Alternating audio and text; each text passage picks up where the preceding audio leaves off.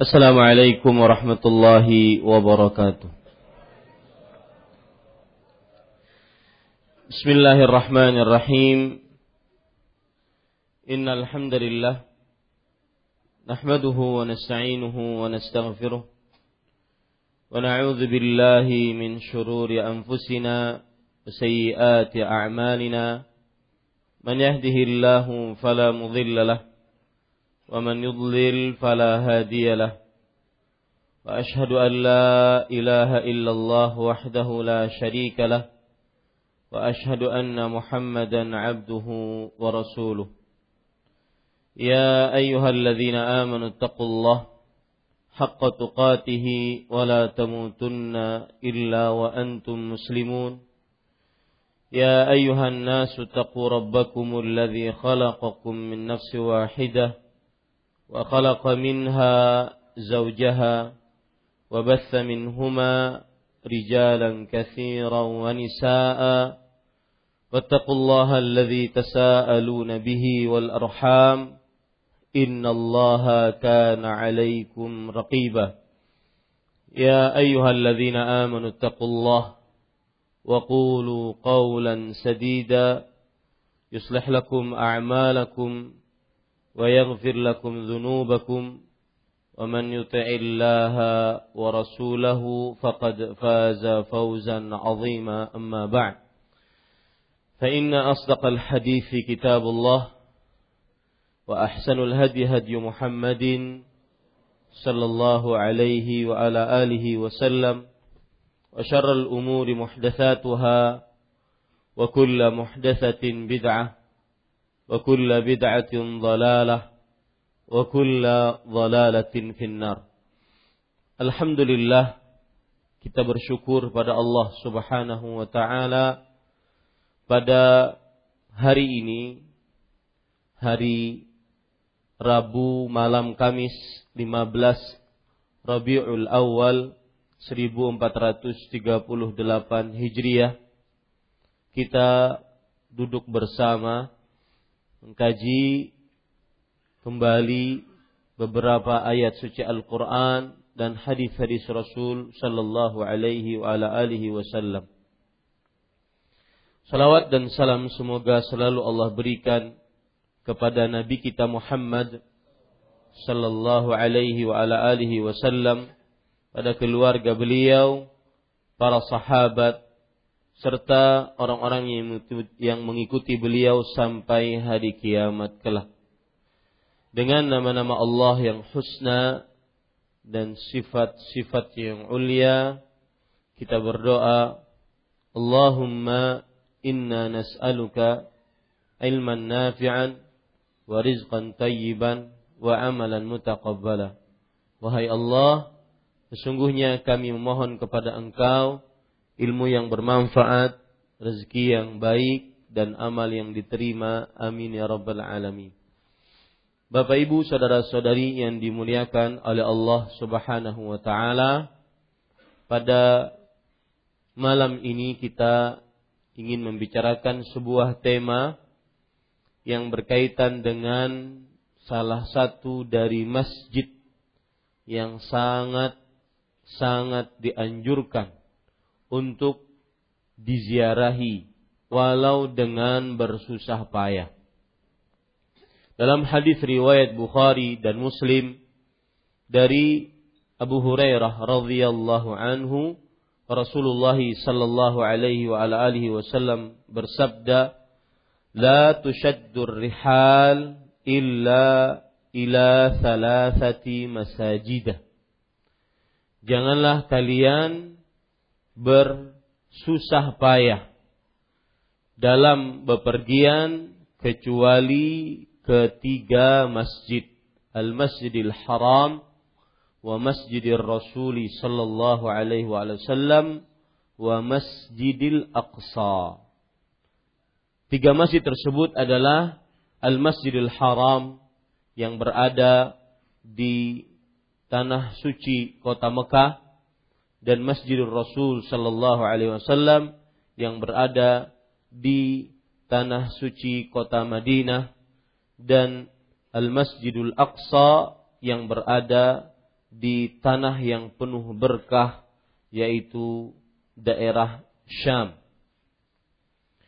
Bapak Ibu saudara-saudari yang dimuliakan oleh Allah Subhanahu wa taala, kajian ini akan saya bagi menjadi tiga poin.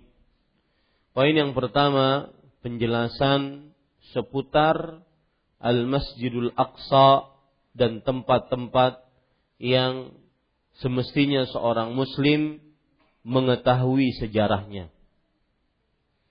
Yang kedua, yang ingin kita bicarakan keutamaan Al-Masjidul Aqsa.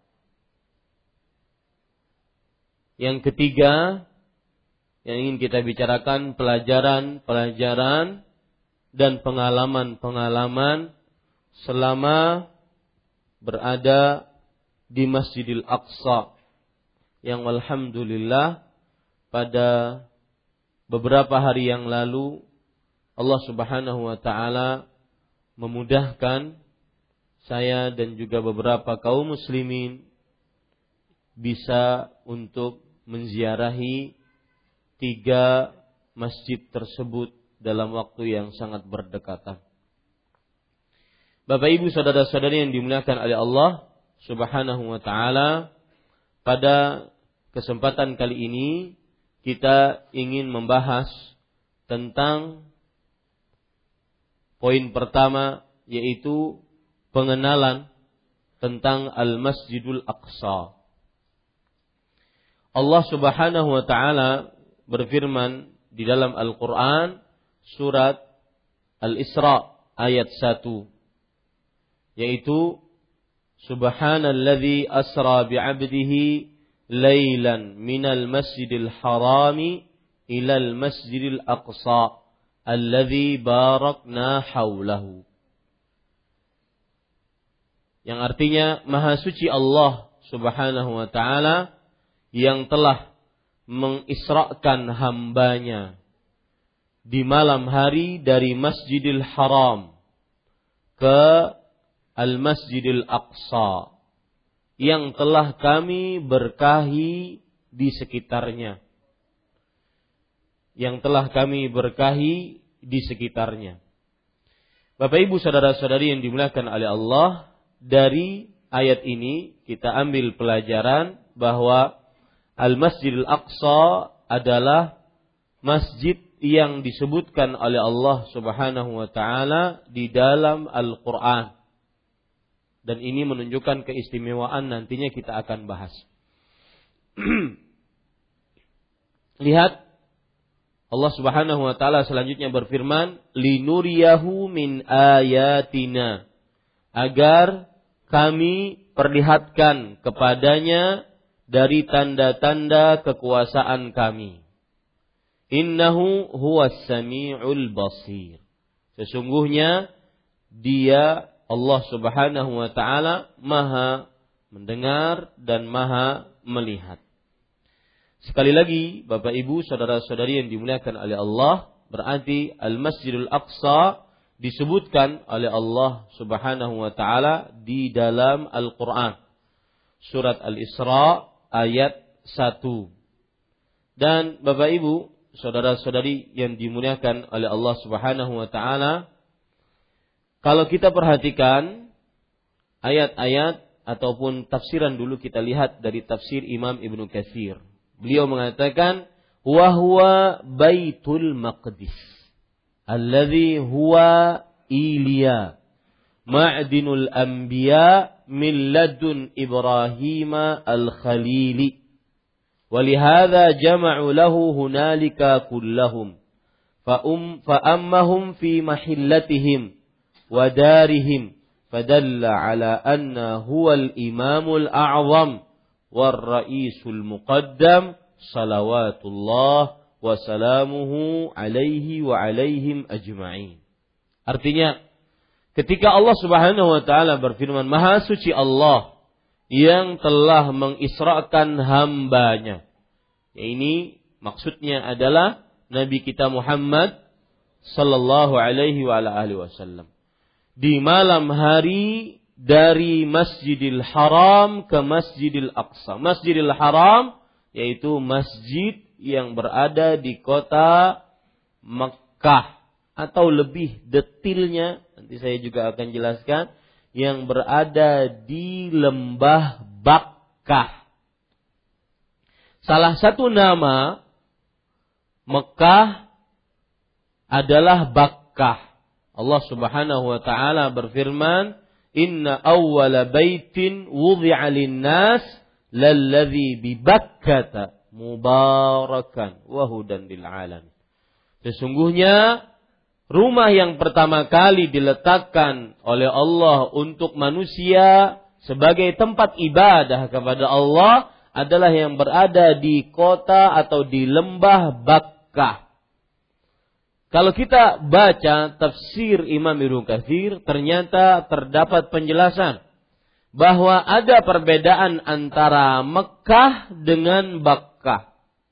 Bakkah adalah Ka'bah dan masjid yang mengitarinya.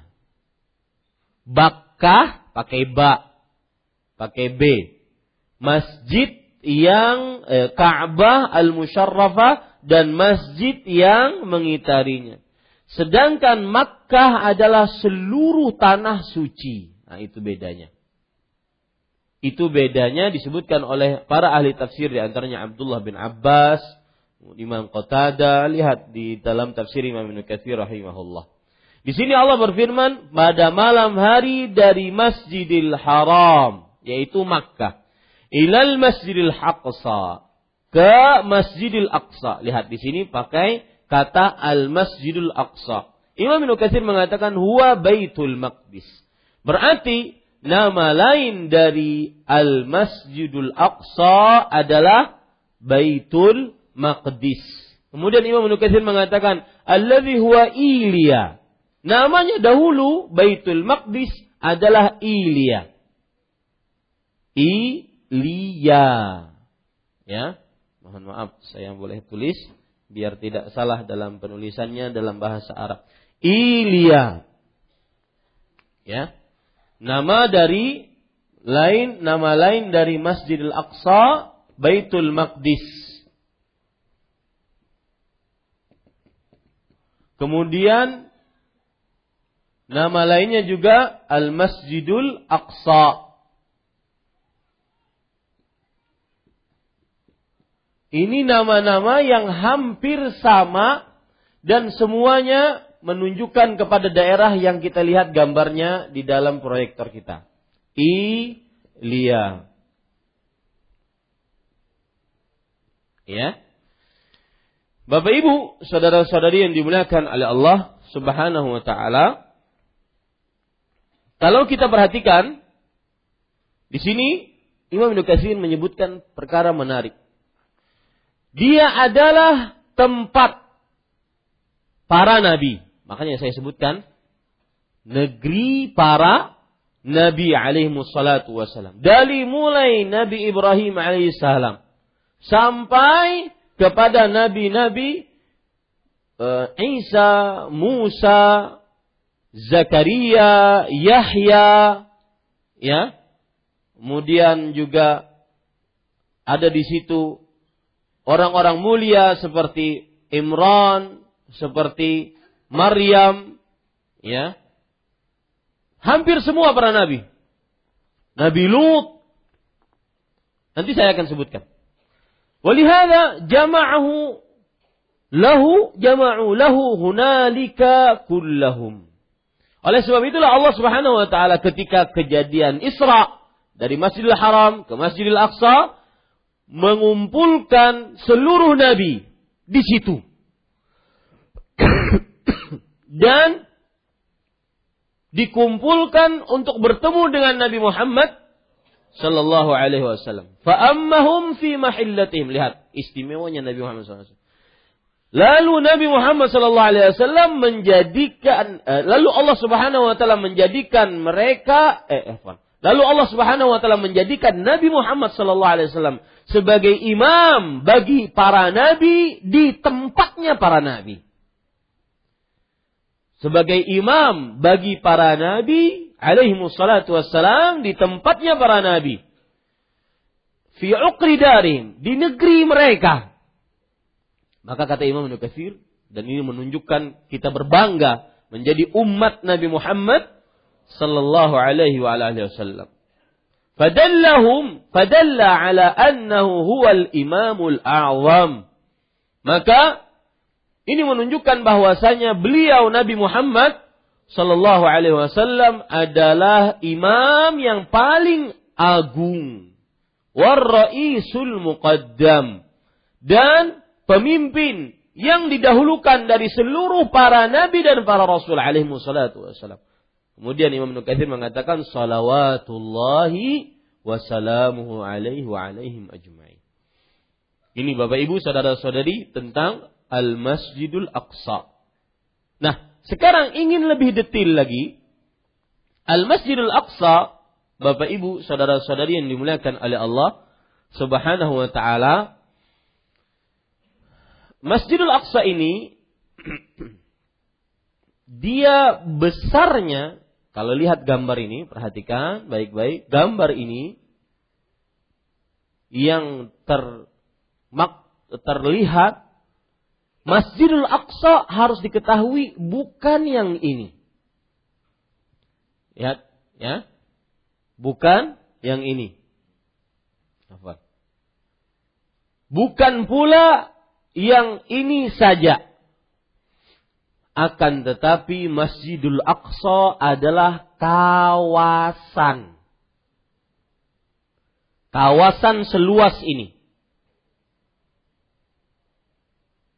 Ya seluas 1,8 hektar. Itu namanya Al-Masjidul Aqsa. Di dalam Masjidul Aqsa terdapat beberapa situs ataupun beberapa bangunan. Bangunan yang paling utama adalah Baitul Maqdis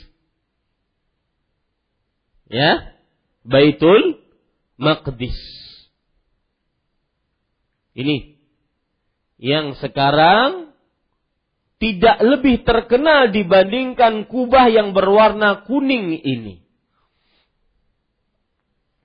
Saya akan jelaskan sekarang apa itu bangunan-bangunan yang ada di dalam Baitul Maqdis. Perhatikan baik-baik. Dan perlu diketahui baik-baik bahwasanya karena Al-Masjidul Aqsa adalah negerinya para nabi, otomatis mau tidak mau pasti akan rebutan. Bahkan mengumpulkan beberapa agama. Agamanya Nabi Musa, agamanya Nabi Isa, Yahudi, Nasrani. Kemudian agamanya Islam Nabi Muhammad sallallahu alaihi wasallam. Kemudian Armenia, dan beberapa lagi yang ada di dalam Masjidil Aqsa. Nah, para ikhwan yang dirahmati oleh Allah Subhanahu wa taala, kita akan kenalkan satu-satu bangunan-bangunan yang ada di kawasan Al-Masjidil Aqsa. Ingat, ketika kita berbicara Masjid Al-Aqsa dalam bahasa Indonesianya, dalam bahasa Arabnya Al-Masjidul Aqsa, maka dia berbicara tentang kawasan 1,8 hektar. Ini yang diperebutkan.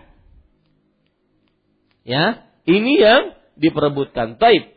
Sekarang para ikhwan yang dirahmati oleh Allah, kita akan berbicara tentang ini. Baitul Maqdis. Ya. Baitul Maqdis disebutkan oleh Rasul sallallahu alaihi wa alihi wasallam di dalam beberapa ayat suci Al-Quran, eh, di dalam beberapa hadis Rasulullah Sallallahu Alaihi Wasallam. Coba perhatikan hadis riwayat Muslim dari Anas bin Malik radhiyallahu. Mana Baitul Maqdis ini? Ya, ini Baitul Maqdis yang kecil ini. Ada gambar lain Ustadz yang lebih jelas? Coba saya carikan. Saya jadi koleksi gambar begini. Bapak Ibu saudara-saudari yang dimuliakan oleh Allah Subhanahu wa taala,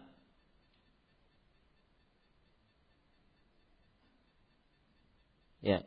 Lihat ini video yang saya buat ketika di sana. Mungkin bisa mewakili gambarnya secara live. Bentar.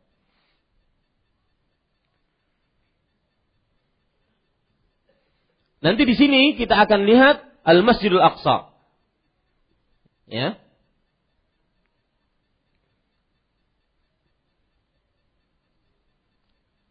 Mohon bersabar. Ya, ini dia Kubah yang disebut dengan Kubat Kubbatul Baitul Maqdis. Inilah sebenarnya Baitul Maqdis. Yang disebutkan oleh Rasul Shallallahu Alaihi Wasallam, nggak apa-apa artisnya nampang di situ ya, bentar ya. Susah untuk menghilangkannya. Ya. Dan juga saya apa promosi dakwah sunnah.com. Baik, Bapak Ibu saudara-saudara lihat hadis Rasul Shallallahu Alaihi Wasallam dalam hadis riwayat Imam Muslim dari Anas bin Malik radhiyallahu an. Nabi Muhammad Shallallahu Alaihi Wasallam bersabda, "Utitu bil burak." Aku diberikan burak. Bagaimana buruk itu? Wahwa dabbah. Dia adalah hewan melata. Berarti dia punya hewan, dia adalah hewan yang berkaki empat. Abiyam, warnanya putih. Tawilun, panjang, bukan tinggi, panjang. Fokol himar, tingginya lebih besar daripada keledai. Wadunal bagel.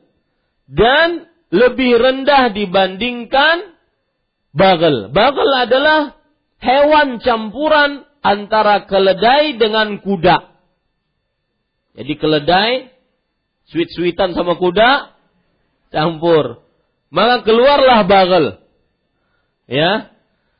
Yada'u hafirahu inda muntaha tarfihi.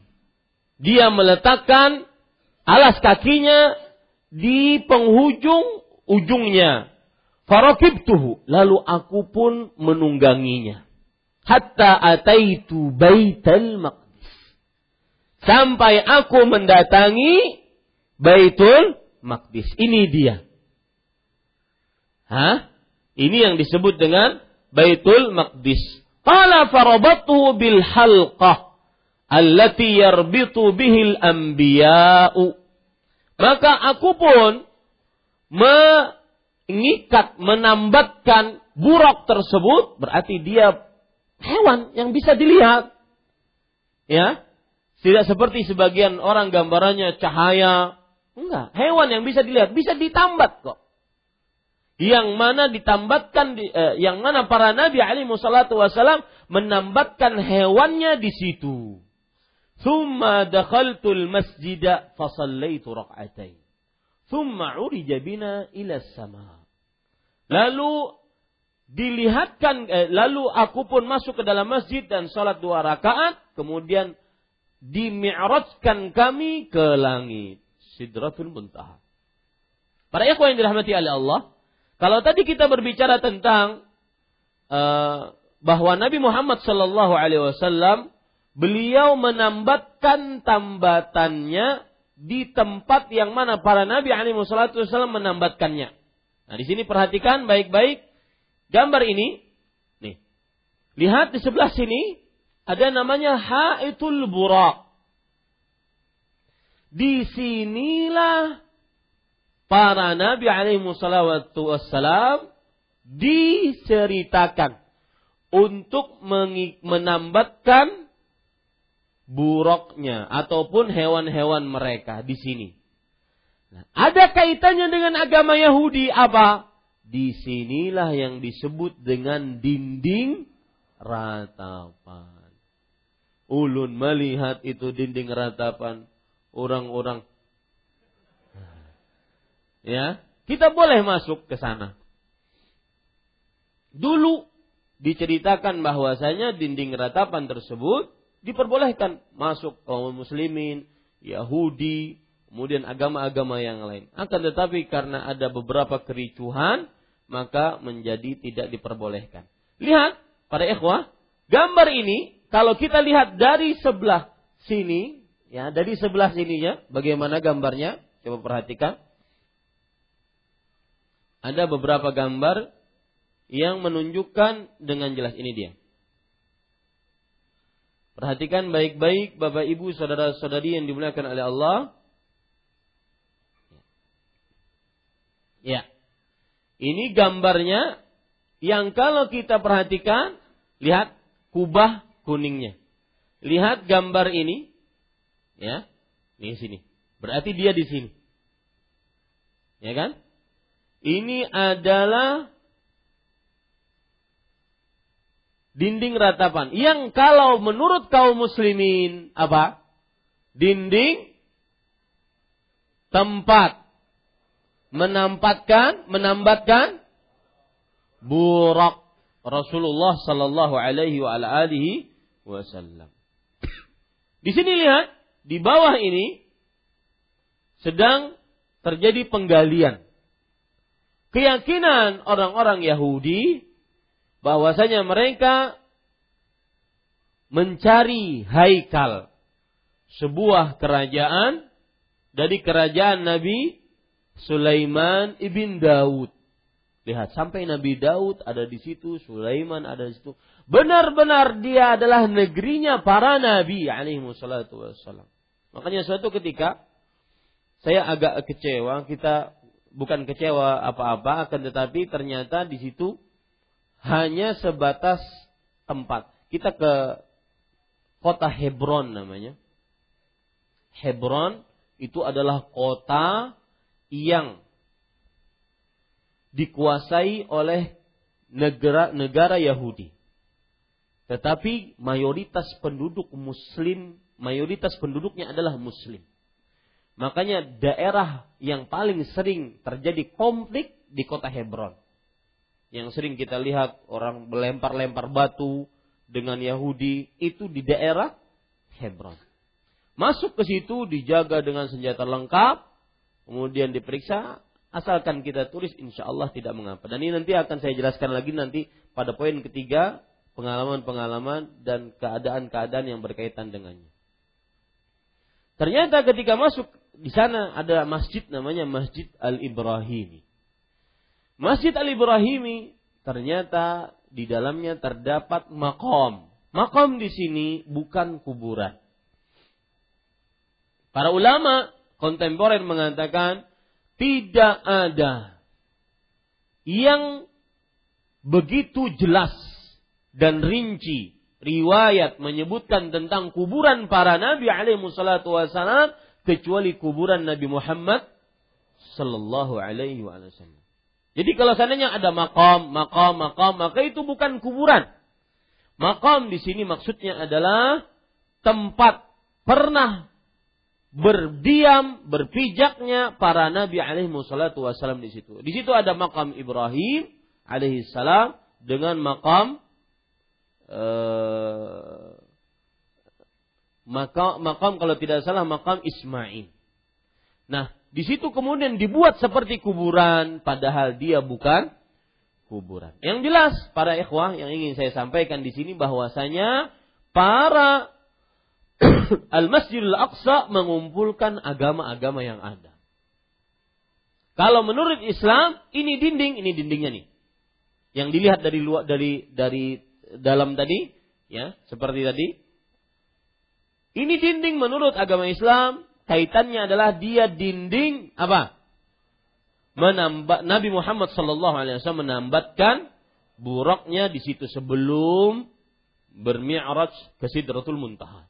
Sedangkan menurut kaum Yahudi, ini adalah dinding ratapan yang ada me, e, bagiannya dari kerajaan yang di, atau istana yang dibangun oleh Nabi Sulaiman ibn Daud alaihi salam.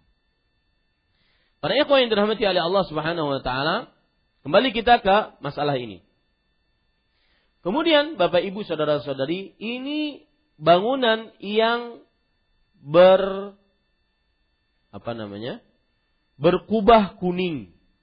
Ya, mungkin lebih jelasnya coba perhatikan beberapa video berikut ini.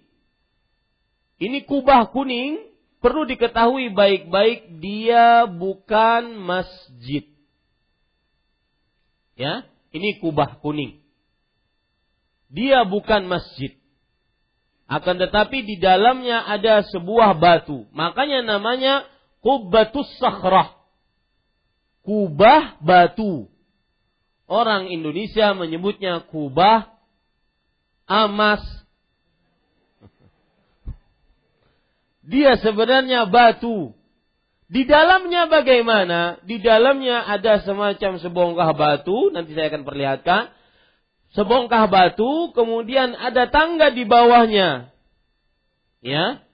Yang konon ceritanya dari situlah Nabi Muhammad sallallahu alaihi wasallam dimi'rajkan oleh Allah Subhanahu wa taala ke Sidratul Muntaha. Jadi dia adalah bagian dari Masjidul Aqsa.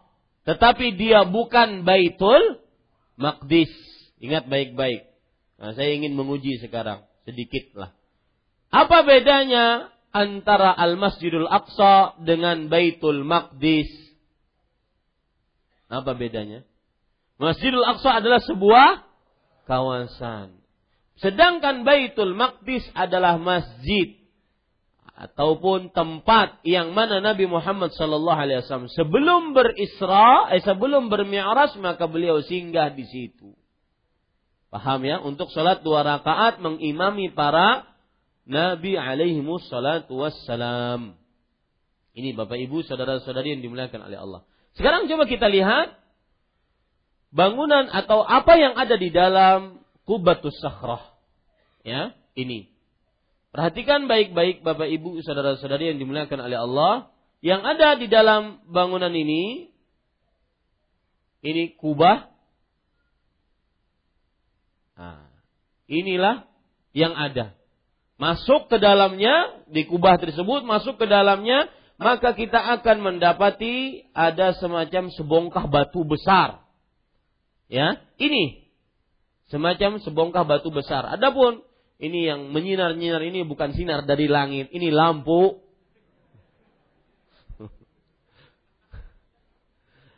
ya. Kemudian, nah di dalamnya ini yang ham, e, berhasil saya foto, ini di dalamnya, ya. Orang sholat di dalamnya. Nah, di atasnya tadi ya yang batu sebongkahan batu. Inilah yang disebut dengan orang-orang sering menyebutnya batu yang terapung. Sebenarnya tidak. Ya, dia cuma ada tangganya di sini. Perhatikan ini tangga yang bisa dimasuki. Kemudian orang sholat di dalamnya. Tidak ada, ingat baik-baik. Tidak ada kekhususan untuk sholat di kubat kubatus sakhrah. Kubah batu. Yang benar namanya apa? kubah batu. Kubatus sakhrah. Ya, ini Bapak Ibu, saudara-saudari yang dimuliakan oleh Allah Subhanahu wa taala. Baik. Kita lanjut sekarang. Di sini ada namanya Musalla Al-Marwani. Ya. Musalla Al-Marwani ini ada beberapa kiat sejarah di dalamnya. Kalau kita lihat dari dulu, Musalla al-Marwani ini, ya, ini gambaran uh, yang ada dari Musalla al-Marwani. Ini masuknya, ya, ya, ini tempat masuknya sangat masih asri sekali, ya, sangat masih asri sekali belum dirubah-rubah karena memang ketika nanti mas ada hadis yang saya akan sebutkan nantinya ketika nanti Al Masjidul Aqsa dibangun kembali maka apa yang terjadi Masjid Nabawi akan hancur. Masjid Nabawi hancur maka ditaklukkan Konstantinopel. Kemudian ketika ditaklukkan Konstantinopel muncullah Dajjal, bangkitlah kiamat. Jadi dia bangunannya sangat masri asri sekali. Nah, di dalam ini Bapak Ibu saudara-saudari ini juga gambaran lain dari Musalla Al-Marwani. Namanya apa? Musalla Al-Marwani. Al-Marwani.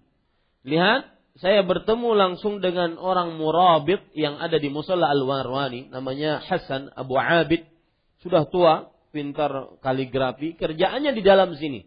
Beliau bercerita, ini Musalla Al-Marwani dulunya adalah lihat gambarnya di sini, lihat. Dia dekat. Ini musallanya di sini. Ya, dalamnya tadi yang Anda lihat. Dalamnya ini. Dan dia luas. Dulunya adalah perkampungan yang dihuni oleh penduduk Marwan. Sehingga disebut dengan Marwani. Ini kampung adalah tempat para imam Masjidul Aqsa atau Baitul Maqdis melewatinya. Di sini dulu ada istana, kemudian masuk ke dalam perkampungan tersebut untuk sholat di Baitul Maqdis. untuk sholat di mana? Di Baitul Maqdis. Nah, yang juga menjadi pembelajaran pada musala al-warwani di sini adalah tempat ada tempat mihrabnya konon ceritanya disebutkan di sinilah tempat mihrabnya siapa? Mihrab kalau terkenal mihrab siapa?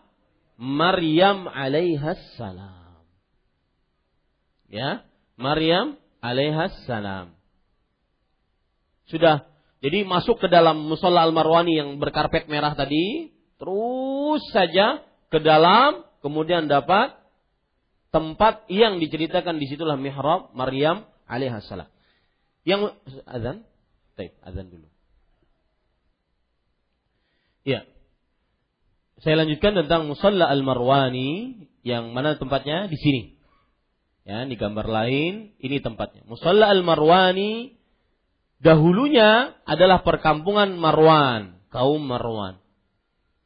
Nah, kemudian bagaimana ceritanya?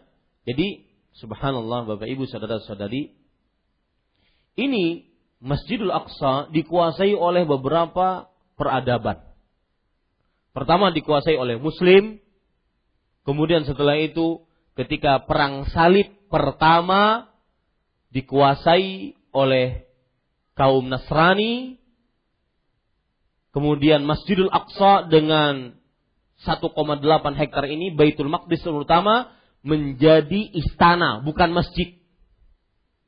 Pada ketika kaum e, perang salib pertama menjadi istana bukan masjid.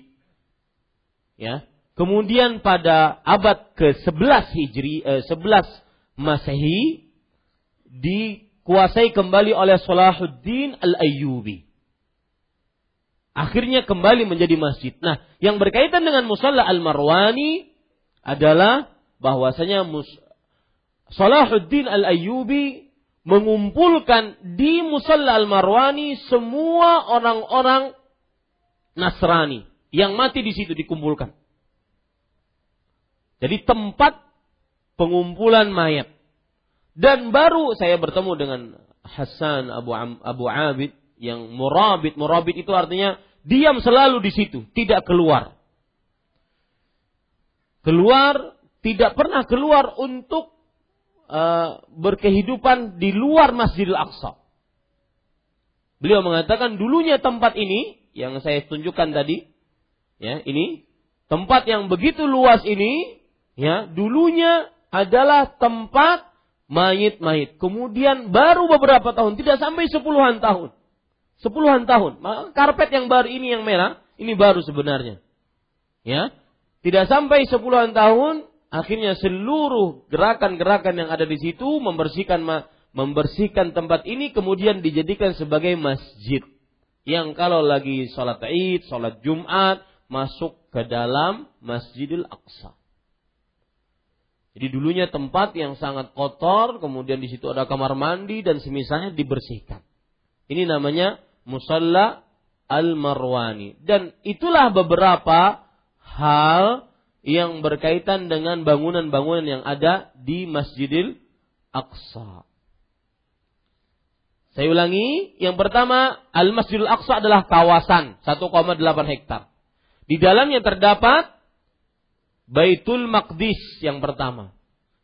Yang kedua, di dalamnya terdapat Haitul Burak, yaitu dinding burak. Menurut kaum Yahudi dinding ratapan. Yang ketiga, di dalamnya ada kubbatus sakhrah. Ya, ada kubbatus sakhrah, kubah batu. Atau disebut dengan kubah yang diriwayatkan Nabi Muhammad SAW mi'raj dari situ. Kemudian di situ ada Musalla Al-Marwani yang tempat berlalunya para imam Baitul Maqdis. Nah, setelah itu kita harus ketahui kondisi di sana. Begini, ini disebut dengan Al-Baldah Al-Qadimah. Ini disebut dengan kota lama. Ya. Jadi Al-Masjidil Aqsa dan sekitarnya ya dan sekitarnya disebut dengan apa? Kota lama, Al-Baldah Al-Qadimah. Al-Masjidil Aqsa dan sekitarnya di luarnya berarti kota lama. Di sini yang menghuninya semuanya muslim, 99% muslim. Yang menghuninya ini semuanya muslim. Ya, nanti peraturan-peraturan Bagaimana cara masuknya saya akan jelaskan ketika poin ketiga. Yang jelas eh, Anda harus ketahui dulu. Ini disebut dengan Al-Baldah Qadimah. Baik Masjidil Aqsa dan yang sekitarnya, kampung sekitarnya, ini disebut dengan apa? Saya waktu itu di hotel, namanya National Hotel. Itu dari hotel ke kampungnya, kampung kota lama itu, sebelum masuk itu ada perkampungan, itu sekitar 15 menit jalan. Tidak ada di kota lama bis, motor yang bisa masuk.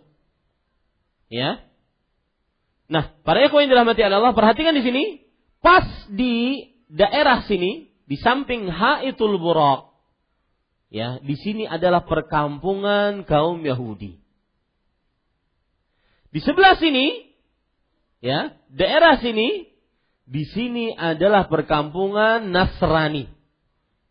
Jadi pagi-pagi, Bapak nanti mungkin lihat di sosial media akun dawasunah.com bahwa saya buat video pagi-pagi habis subuh. Setelah kita sholat subuh, sampai, kalau saya menghadap kiblat, eh, kiblat itu ke arah barat, apa? Ke arah mana? Ya, ke arah sela, utara. Ya, ini lihat, ini timur, ini berarti barat, ini utara, ini selatan. Ya, eh ini syamal, utara, iya selatan. Ya, ke arah selatan. Nah, kalau saya menghadap ke arah selatan, samping kanan saya itu bunyi kaum Yahudi apa adanya? Trompet. Oh, habis sholat subuh kita. Ya, di sebelah kiri saya lonceng, dong deng, dong deng, dong deng. Makanya para ikhwan yang dirahmati oleh Allah, parlemen negara Yahudi mereka sangat benci dengan azan. Beberapa hari sebelum kita datang ke sana bulan yang lalu disebutkan dikeluarkan keputusan parlemen negara Yahudi bahwasanya di Baitul Maqdis tidak boleh azan karena memang azannya luar dan sangat sangat uh, keras dan megah. Kita kalau masuk ke Baitul ke Masjidil Aqsa terdengar azan itu seakan-akan benar-benar bangga kita dengan azan. Ya. Bangga dengan azan tersebut. Ini Bapak Ibu, saudara-saudari yang dimuliakan oleh Allah. Jadi seperti yang saya sebutkan di awal, dia mengumpulkan beberapa agama. Kita yang paling pertama sholat subuh, Nanti jam 6, jam 7 ya, sudah melandau-melandau bangun, hanya hanyarnya loncengan, hanya hanyarnya trompetan. Makanya nang melandau bangun nih jangan-jangan ada Ini Bapak Ibu, saudara-saudari yang dimuliakan oleh Allah Subhanahu wa taala. Nah, itu sekitar dari uh, Masjidil Aqsa. Jadi Masjidil Aqsa dikelilingi oleh kampung. Kampung namanya apa tadi? Kota Kota Lama atau Al-Baldah Qadimah. Kota Lama di sebuah kota atau di sebuah daerah. Daerah namanya dalam bahasa Arab Al-Quds. Ya, Al-Quds. Saya tulis beberapa istilah yang sudah kita bahas. Yang pertama Al-Masjidil Aqsa, yang kedua Baitul Maqdis. Ya. Ini sudah kita bahas. Kemudian Haitul Buraq. Ya, dinding apa tadi? Bukan ratapan. Ratapan jadi orang Yahudi kita. Kemudian yang ketiga, Qubbatus Sakhra. Sakhrah. Ya, Qubbatus Sakhrah. Ini tulisannya begini. Kubah batu artinya dan ceritanya sudah saya sebutkan tadi. Yang keempat al-musalla apa tadi? Al-Marwani. Ya. Tempat sholatnya kaum Marwan.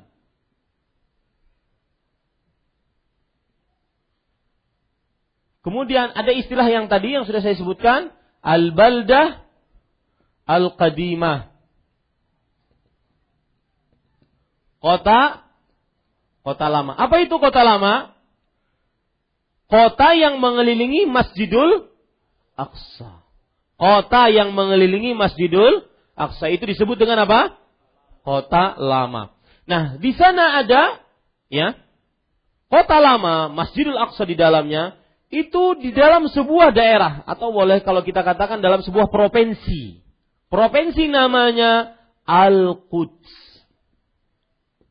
Orang-orang Yahudi menyebutnya apa? Yerusalem. Ya. Dan sangat disayangkan souvenir-souvenir yang ada, makanya saya tidak berani beli souvenir, ada beberapa yang saya beli hanya tulisannya Al-Masjidil Aqsa. Ya. Sangat disayangkan di situ ada uh, souvenir misalkan baju I love Yerusalem. Itu bahasa Yahudi. Ya. Tetapi orang kaum muslimin maka menyebutnya dia adalah Al Al-Quds. Ya, Al-Quds itu adalah sebuah provinsi yang menampung di dalamnya ada apa tadi? Ada kota lama, di dalamnya adalah ada apa lagi? Al-Masjidul Aqsa. Ya, saya gambar saja biar mudah memahaminya. Lihat. Gambarnya di sini. Ini adalah Al-Quds. Al-Quds. Di dalamnya ada apa? Kota lama. Di dalamnya ada apa? Masjid Al-Aqsa. Nah, begitu ceritanya. Di dalam Masjidil Aqsa ada apa nanti? Ada bangunan-bangunan yang sudah kita kita jelaskan tadi. Ini Bapak Ibu, saudara-saudari yang dimuliakan oleh Allah. Sekarang kira-kira itu poin yang pertama selesai. Mudah-mudahan bisa dipahami. Ya, mudah-mudahan bisa dipahami. Jadi ada istilah-istilah yang sudah kita bahas tadi. Yang paling pertama adalah istilah yang disebutkan dalam Al-Quran. Al-Masjidul Aqsa. Dan di dalam hadis Rasul. Istilah yang kedua, Baitul Maqdis. Sudah bisa membedakan. Masjidul Aqsa adalah apa? Kawasan. Di dalam Masjidul Aqsa ada Baitul Maqdis. Ya. Kemudian juga ada Haitul Buraq. Dinding yang mana para Nabi alaihi salatu wasallam menambatkan hewan-hewannya di situ. Kemudian ada Musallal Marwani. Kemudian juga ada apa? Qubbatus Sakhrah. Sakhrah namanya ya. Qubbatus Sakhrah. Kemudian Al-Masjidul Aqsa diliputi oleh sebuah kota yang disebut orang-orang sana menyebutnya kota kota lama. Kemudian kota lama ini dalam sebuah provinsi namanya apa? Al-Quds. Dan ini semua di bawah otoritas negara Yahudi. Nanti saya akan jelaskan kata-kata otoritas di bawah di bawah otoritas negara Yahudi ini pengalaman-pengalaman yang ada padanya. Baik. Sekarang para ikhwah, bapak, ibu, saudara-saudari yang dimuliakan oleh Allah, kita akan ambil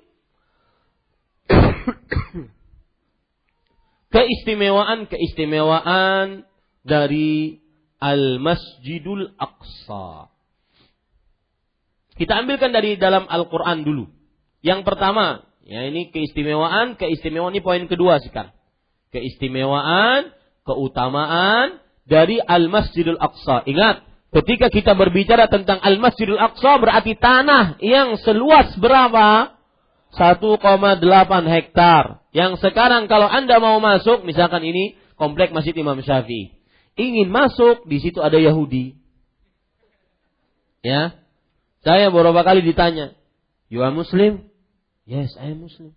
Bahasa pokoknya bahasa saya mampunya. Iya, Muslim. Ini dakwah sunnah Muslim. ya. Muslim. Kenapa dia nanya seperti itu? Karena ada perjanjian Oslo pada tahun 1993 yang mana terjadi perjanjian damai di situ maka ada perjanjian bahwa selain muslim tidak boleh masuk. Kemudian Yahudi boleh masuk hanya dari jam 8 sampai jam jam jam 10 siang saja. Itu pun subhanallah kami bertemu dengan para orang-orang murabit yang ada di dalam masjid tersebut ketika mereka masuk, mereka tidak boleh masuk masuk ke dalam Baitul Maqdis. Mereka hanya sekitar-sekitar. Ketika mereka sudah mulai berani masuk, kita baca Quran kuat-kuat. Mereka takut, mereka cepat-cepat keluar. Subhanallah. Ya. Ini para ikhwan yang dirahmati oleh Allah. Baik. Keistimewaan pertama dari Al-Quran. Yaitu tanah yang penuh dengan berkah. Al-Masjidul Aqsa adalah tanah yang penuh dengan berkah. Allah Subhanahu wa taala berfirman di dalam surah Al-Isra ayat 1. Subhanalladzi asra bi'abdihi lailan minal masjidil haram ila al-masjidil aqsa alladzi barakna haulahu. Artinya, Maha suci Allah Subhanahu wa taala yang telah kami yang yang mana yang telah mengisrakan hambanya pada malam hari dari Masjidil Haram ke Masjidil Aqsa yang telah kami berkahi di sekitarnya. Berkahi, para ikhwan yang dirahmati oleh Allah, disebutkan oleh Imam Nukathir, yaitu Fizzuru' wa. Dia berkah, subhanallah. Ya, banyak sekali buah-buahan. Banyak bahkan di situ ada disebut dengan bukit zaitun. Ya, dia subur, tanah yang penuh dengan kesuburan. Ya, sila coba perhatikan beberapa uh, gambar di sini yang saya ambil. Tanah yang penuh dengan kesuburan. Ini perhatikan video ini. Dia subur, banyak pohon-pohon. Ya. Lihat. Subur dia. Ya. Dan tanamannya subur-subur. Saya bertemu dengan uh, imam masjid. Kalau Masjidil Haram Mekah, Masjid Nabawi kan susah ketemunya. Karena orangnya sedikit, yang sholat itu sedikit pak. Di masjid di Baitul Maqdis sholatnya sedikit, mungkin lima saf begitu. Sedikit. Karena ada peraturan yang akan saya jelaskan di poin ketiga. Akhirnya bisa, bisa ketemu dengan uh, Imam Masjidil Aqsa, namanya Syekh Yusuf Abu Senaina. Syekh Yusuf Abu Sunainah. Beliau bercerita ketika ditanya bagaimana keadaan kaum muslimin sekarang. Di sini beliau mengatakan keadaannya lebih bagus daripada dahulu. Dan mereka menghalangi kita untuk azan. Karena mungkin bagi kaum kufar azan itu mengganggu orang lagi asik-asik tidur azan. Ya. Maka kata beliau, kami tetap akan azan walau taruhannya nyawa. Ya, lihat subur para ikhwah yang dirahmati oleh Allah Subhanahu wa taala. Dan disebutkan di dalam tafsir Imam Ibnu Katsir, Imam Al-Qurtubi, berkah yang dimaksud adalah subutul khair wa dawamu. Artinya kebaikan yang tetap dan terus menerus ada. Yaitu maksudnya buah-buahannya terus ada. Pohon-pohonnya terus subur. Ini Bapak Ibu, saudara-saudari yang dimuliakan oleh Allah Subhanahu wa taala. Baik. Kita lanjutkan, Bapak Ibu, saudara-saudari yang dimuliakan oleh Allah. Keistimewaan yang kedua dari Al-Masjidul Aqsa diambilkan dari ayat suci Al-Quran. Bahkan para ulama mengatakan, perhatikan. Para ulama mengatakan, "Lau lam takun lahu fadilatun illa hadhihi al-ayatu lakanat kafiyatan." Artinya, kalau seandainya di dalam keutamaan Al-Masjidil Aqsa tidak ada satu dalil pun kecuali ayat ini, kecuali cuma satu ayat ini, maka sungguh sudah sangat mencukupi. Saking terlihat jelas memang dia penuh dengan berkah. Yang kedua, keistimewaan Al-Masjidil Aqsa dilihat dari ayat suci Al-Quran, dia adalah tanah yang suci. Yang mensucikan seseorang dari kesyirikan dan juga dosa-dosa. Allah Subhanahu wa taala berfirman menceritakan tentang uh, perkataan Nabi Musa alaihi salam kepada kaumnya dalam surah Al-Maidah surat yang kelima ayat 21 Nabi Musa berkata Ya qaumi dukhulul ardhal muqaddasata allati kataballahu lakum. Wala tartaddu ala adbarikum fatanqalibu khasirin. Wahai kaumku, kata Nabi Musa alaihissalam, masuklah kalian ke dalam tanah yang penuh dengan kesucian. Tanah suci, ardhal muqaddasata allati kataballahu lakum. Yang telah Allah wajibkan atas kalian. Dan janganlah kalian berpaling, maka kalian akan merugi. Para ikhwan yang dirahmati oleh Allah Subhanahu wa taala, Abdullah bin Abbas radhiyallahu anhu mengatakan bahwa al-ardhal muqaddasah, bumi yang suci, hiya tur wa ma haulahu. Dia adalah bukit Tursina dan sekitarnya. Begitu pula yang disebut dengan uh, yang disebutkan oleh Imam Mujahid dan selainnya. Abdullah bin Abbas, Sufyan ats-Tsauri rahimahullah radhiyallahu anhu juga mengatakan bahwa al-ardhal muqaddasah allati kataballahu lakum bumi yang suci yang diperintahkan untuk masuk ke dalamnya maksudnya adalah ariha. Ariha bagus nih anak perempuan dikasih nama anak Ariha. Ariha ini nama lainnya adalah Jericho. Nama Latinnya Jericho. Ya, beda jauh kan? Nama Arabnya Ariha. Apa artinya dalam bahasa Arab Ariha? Bunga yang wangi. Ariha. Nah, siapa betianan? Ya, Ariha. Bunga yang wangi. Ini Bapak Ibu, saudara-saudari yang dimuliakan oleh Allah Subhanahu wa taala. Ariha. Nah, Ariha ini adalah daerah salah satu daerah terendah di dunia.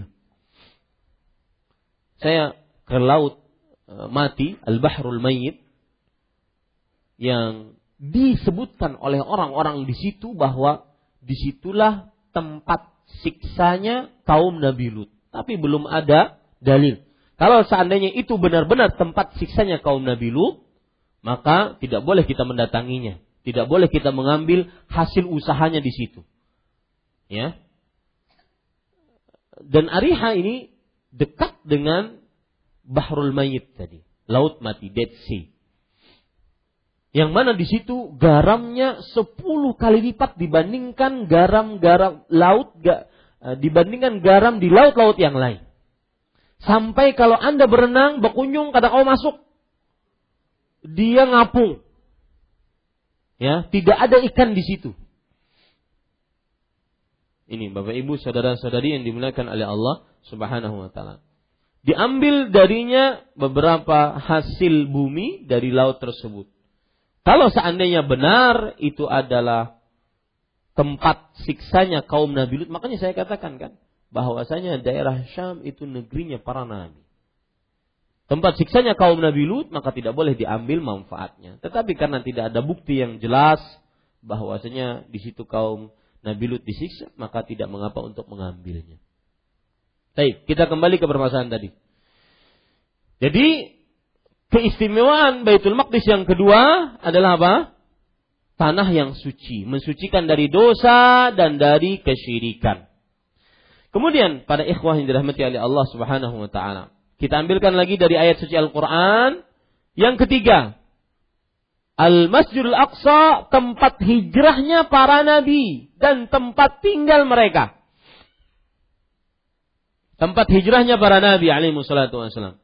Nabi Lut alaihi salam dalam surat Al-Anbiya ayat 71 Allah Subhanahu wa taala berfirman, ونجيناه ولوطا إلى الأرض التي باركنا فيها للعالمين dan kami selamatkan dia dan Nabi Lut ke bumi tanah yang kami berkahi di dalamnya untuk alam semesta yaitu al-ardul muqaddasah ini adalah yang disebut dengan al-masjidul aqsa Nabi Sulaiman alaihissalam dalam surat Al-Anbiya ayat 81 Wali Sulaiman riha asifatan tajri bi amri idal ardi allati barakna fiha wa kunna bi kulli syai'in alimin.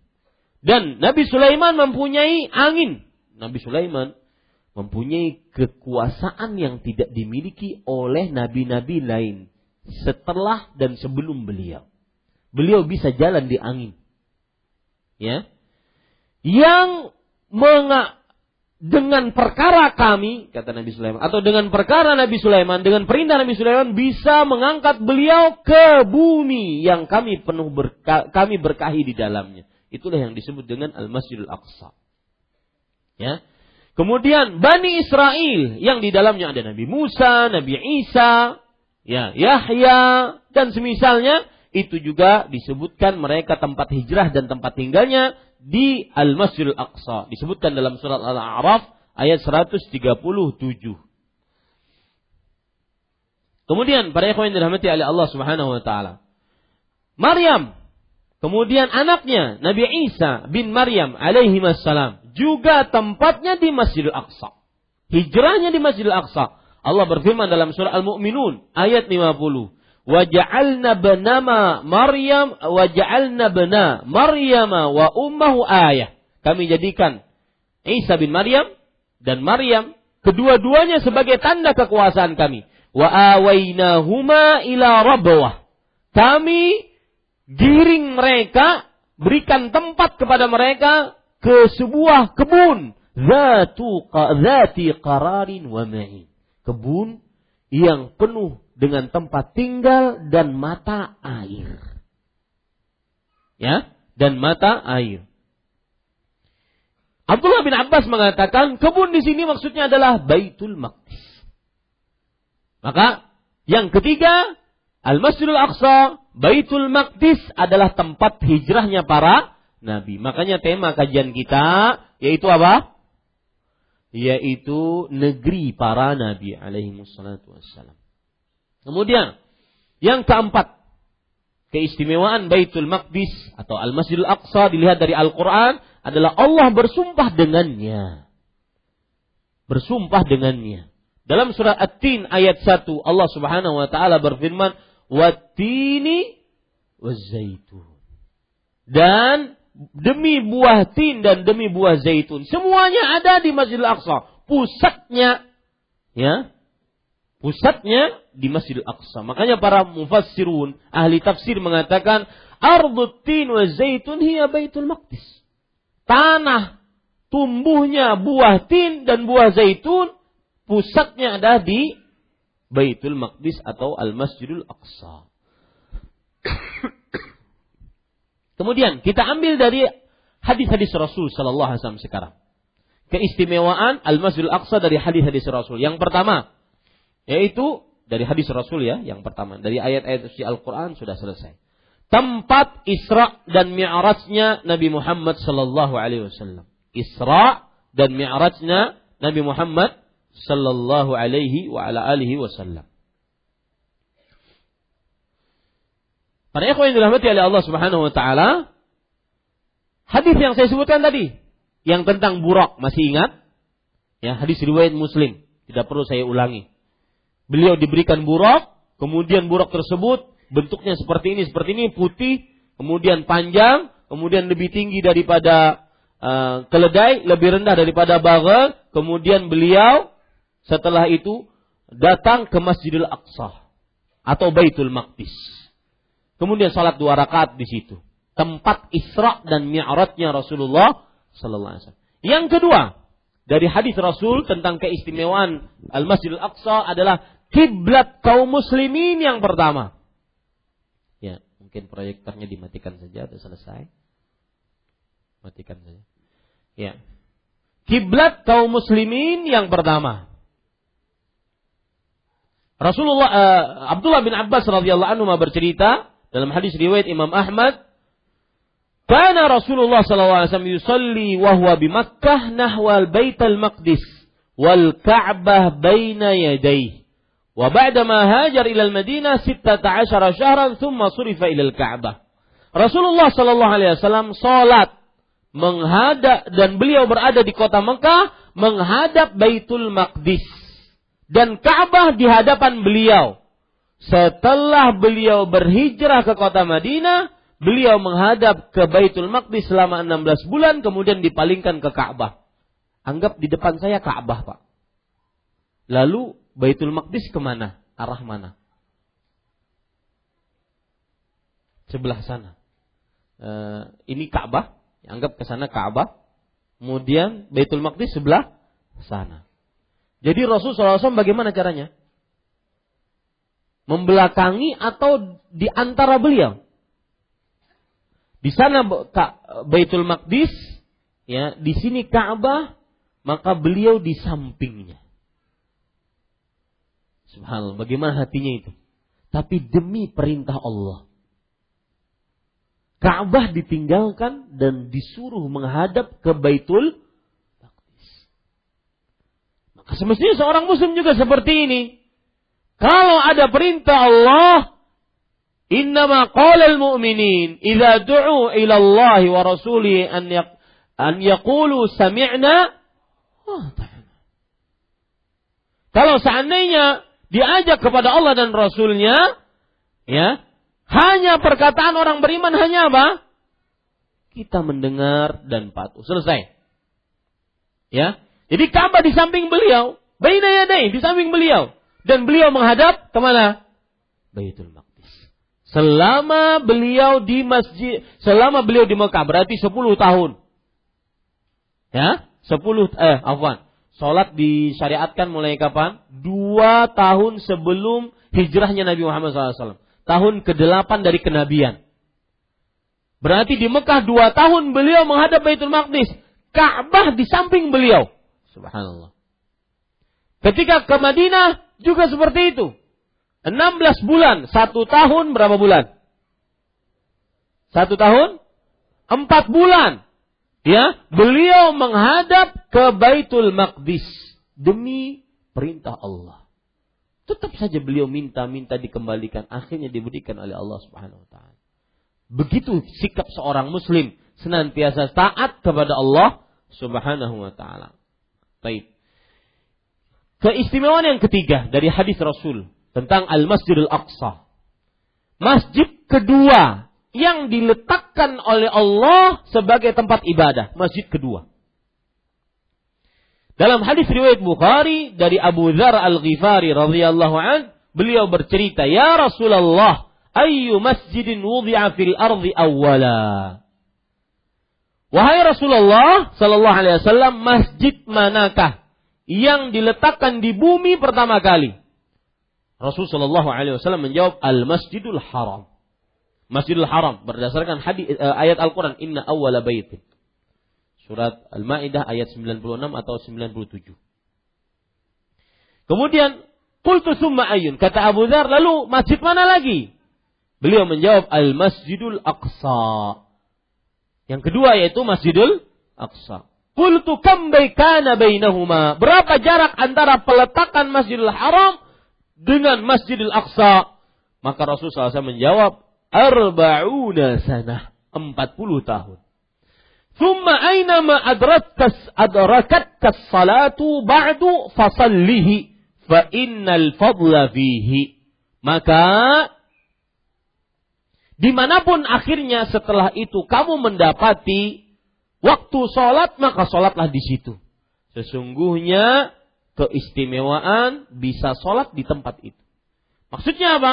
Seluruh bumi bagi umat Nabi Muhammad Sallallahu Alaihi Wasallam bisa dijadikan sebagai tempat tempat sholat. Ini Bapak Ibu, saudara-saudari yang dimuliakan oleh Allah Subhanahu wa taala. Baik, yang keberapa sekarang dari hadis?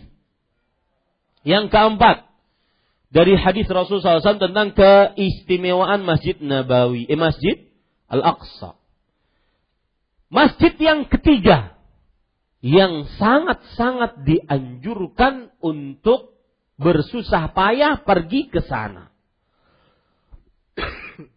Jadi kalau kita lihat dari angka 1, 2, 3, masjid ke satu sebagai tempat kiblat. Masjid kedua yang diletakkan di bumi. Masjid ketiga yang kita bersusah-susah payah untuk pergi menziarahi masjid tersebut. Jadi satu, dua, tiga. Itu mudah menghafalnya. Angka satu menunjukkan apa? Masjidil Aqsa adalah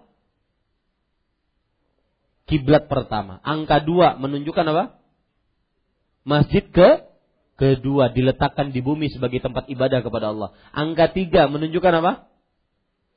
Salah satu dari tiga masjid yang sangat dianjurkan untuk bepergian ke masjid tersebut. Dalam hadis riwayat Bukhari dan dari Abu Hurairah yang sangat terkenal, la tushaddur rihal illa ila thalathati masajid. Tidak boleh bersusah payah bepergian kecuali ketiga masjid. Dan ini hadis menunjukkan bahwa kalau ada orang bersusah payah bepergian menziarahi sebuah tempat atau kuburan, maka tidak diperbolehkan. Yang diperbolehkan hanya apa? Tiga masjid ini. Ini para ikhwan yang dirahmati oleh Allah. Kemudian, Bapak Ibu saudara-saudari yang dimuliakan oleh Allah Subhanahu wa taala. Termasuk keistimewaan Baitul Maqdis atau Al-Masjidil Aqsa adalah Sholat di dalamnya yang keberapa ini? Yang ke lima dari hadis Rasul tentang keistimewaan Al-Masjidil Aqsa. Siapa yang mendatanginya dengan niatan hanya ingin sholat di dalamnya, diampuni dosanya, walau eh, diampuni dosanya seperti dia lahir dari rahim ibunya. Rasul Shallallahu Alaihi Wasallam bersabda dalam hadis riwayat Imam Ibnu Majah dari Abdullah bin Amr bin As radhiyallahu anhuma lamma faragha Sulaiman bin Dawud min bina'i Baitul Maqdis. Ketika Nabi Sulaiman selesai membangun Baitul Maqdis sa'alallaha salatan maka beliau meminta kepada Allah tiga perkara. Yang pertama hukman yusadifu hukmahu hukum yang sesuai dengan syariat Allah hukum yang dikeluarkan oleh Nabi Sulaiman sebagai raja sesuai dengan syariat Allah. Yang kedua, wa mulkan la yanbaghi li ahadin min ba'dihi. Kekuasaan sebagai raja yang tidak pernah diberikan setelah eh, kepada seorang pun setelah beliau. Beliau memiliki keistimewaan, kekuasaan-kekuasaan raja yang tidak pernah diberikan kepada orang-orang seorang pun setelah Nabi Sulaiman alaihissalam bisa berbicara dengan hewan, jin, angin, bisa me, apa namanya mengutus angin dan semisalnya. Ini yang kedua. Yang ketiga, wa alla ya'tiya hadzal masjid ahadun yuridu illa salata illa kharaja min dhunubihi kayaumi waladathu ummuh.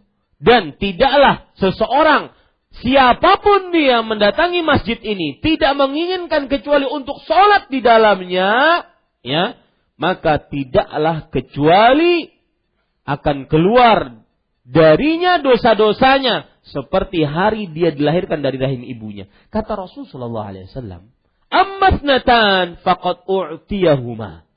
Adapun dua permintaan pertama sudah Allah kabulkan. Apa permintaan pertama? Hah? Yaitu hukum. Hukumnya sesuai dengan hukum Allah Subhanahu wa taala. Yang kedua apa? Kekuasaan, kerajaan yang yang tidak diberikan kepada seorang pun setelah Nabi Sulaiman. Kata Nabi Muhammad SAW, ammasnatan. Yang nomor satu dan nomor dua sudah diberikan oleh Allah. Wa arju an yakuna qad Dan aku berharap doa Nabi Sulaiman, permintaan Nabi Sulaiman dikabulkan oleh Allah. Yang ketiga juga dikabulkan oleh Allah. Aku berharap kata Rasulullah Sallallahu Alaihi Wasallam. Yang artinya siapa yang pergi, berniat pergi ke sana tidak berniat kecuali untuk sholat maka akan diampuni dosa-dosanya seperti dia lahir dari rahim ibunya. Baik. Yang keenam. Yaitu para ikhwan yang dirahmati oleh Allah Subhanahu wa taala. Perhatikan baik-baik dalam hadis riwayat Imam Muslim yang keenam, keistimewaan Baitul Maqdis adalah dia tempat berkumpulnya para manusia. Yaitu padang mahsyarnya manusia nanti di hari kiamat. Di hari kiamat, manusia akan digiring oleh api yang keluar dari Yaman. Api tersebut keluar dari Yaman, dari Aden, kemudian menggiring manusia menggiring manusia, tempat giringan manusia dikumpulkan pertama kali di mana? Di Al-Masjidul Aqsa. Rasul sallallahu alaihi wasallam dalam hadis riwayat Imam Ahmad dan juga Imam Muslim beliau ditanya Ya Nabi Allah, aftina fi Baitil Maqdis. Wahai Nabi Allah, berikan fatwa, kabar kami tentang Baitul Maqdis. Kata Rasul sallallahu alaihi wasallam, "Ardul mansyar wal mahsyar." Dia adalah bumi mansyar, yaitu terpecarnya manusia dan juga terkumpulnya manusia. Ya. Terpencarnya manusia dan terkumpulnya manusia. Kemudian para ikhwan yang dirahmati oleh Allah Subhanahu wa taala, Baitul Maqdis atau Al-Masjidil Aqsa termasuk tanda-tanda hari kiamat yang besar. Ini yang ketujuh. Termasuk tanda-tanda hari kiamat yang besar. Dalam hadis riwayat Imam Abu Daud dari Muadz bin Jabal radhiyallahu an, Rasul sallallahu alaihi wasallam bersabda, "Umranu Baitul Maqdis kharabu Yathrib wa kharabu Yathrib khurujul malhamah." wa khurujul malhamah fathul Qastantiniyah wa fathu Qastantiniyah khurujud dajjal. Dibangun kembalinya Al-Masjidul Aqsa atau Baitul Maqdis subhanallah Bapak Ibu saudara-saudari ya. Uh, keadaannya biasa saja. Jadi bukan seperti Masjidil Al-Haram yang megah mewah Kemudian bukan seperti Masjid Nabawi yang indah, nyaman, tentram, orang masuk di dalamnya itu indah sekali. Tetapi Masjidil Aqsa memang seperti itu. Rupanya ada hadis ini. Dibangun kembali Baitul Maqdis itu tanda hancurnya kota Madinah. Hancurnya kota Madinah, keluarnya keburukan. Keluarnya keburukan ditandai dengan ditaklukkannya Konstantinopel. Konstantinopel tanda keluarnya Dajjal. Ini para ikhwan dirahmati oleh Allah Subhanahu wa taala.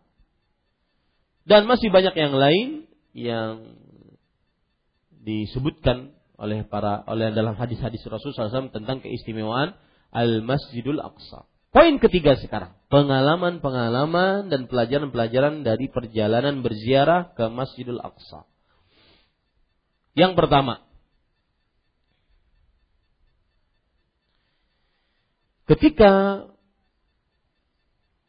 ini pengalaman ya, tentunya banyak cerita nantinya.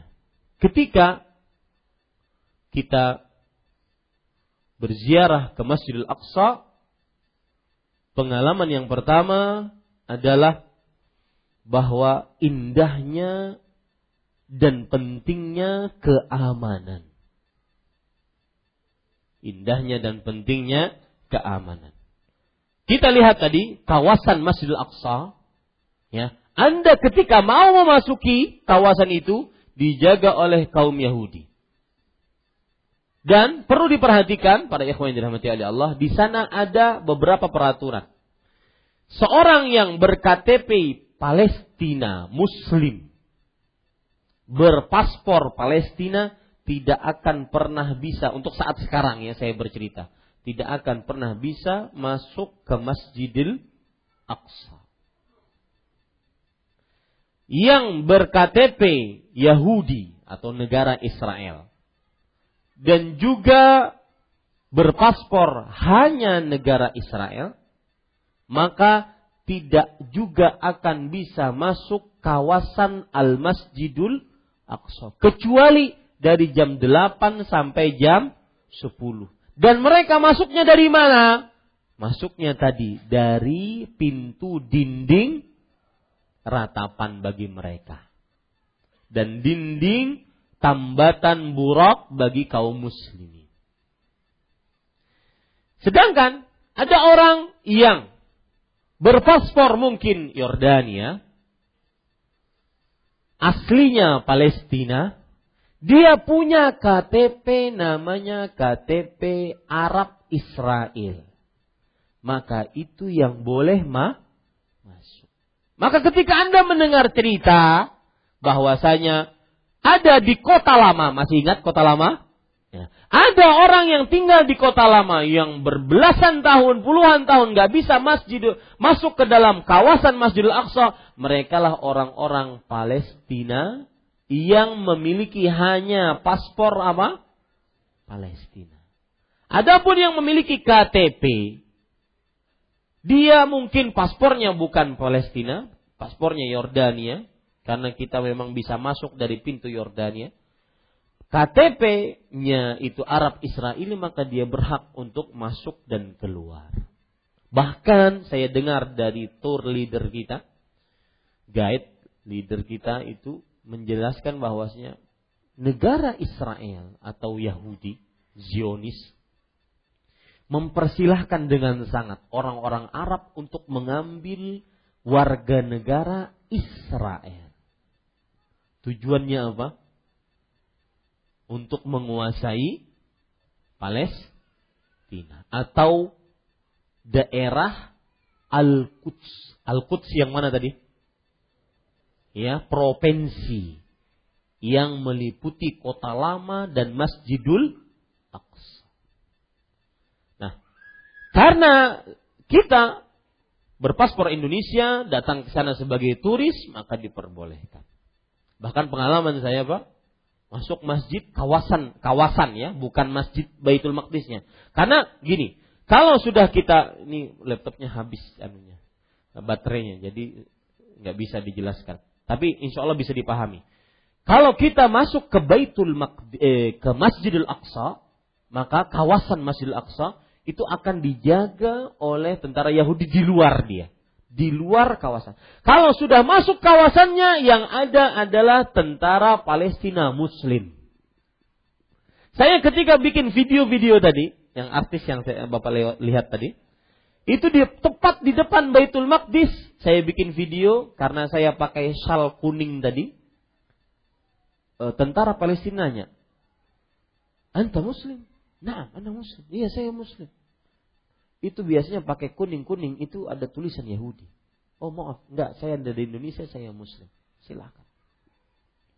Ya, jadi di, mereka cuma di luar, tidak berani menjaga di mana, dan bukan tidak berani, memang tidak diperbolehkan secara perjanjian damai Oslo. Paham ini Pak Dewa? Dan di situ kita terlihat masih aizzah, masih mulia. Ya, tidak boleh masuk. Kecuali hanya jam berapa jam berapa tadi? 8 sampai jam 10. Makanya saya ditanya ketika masuk kawasan itu, kamu muslim?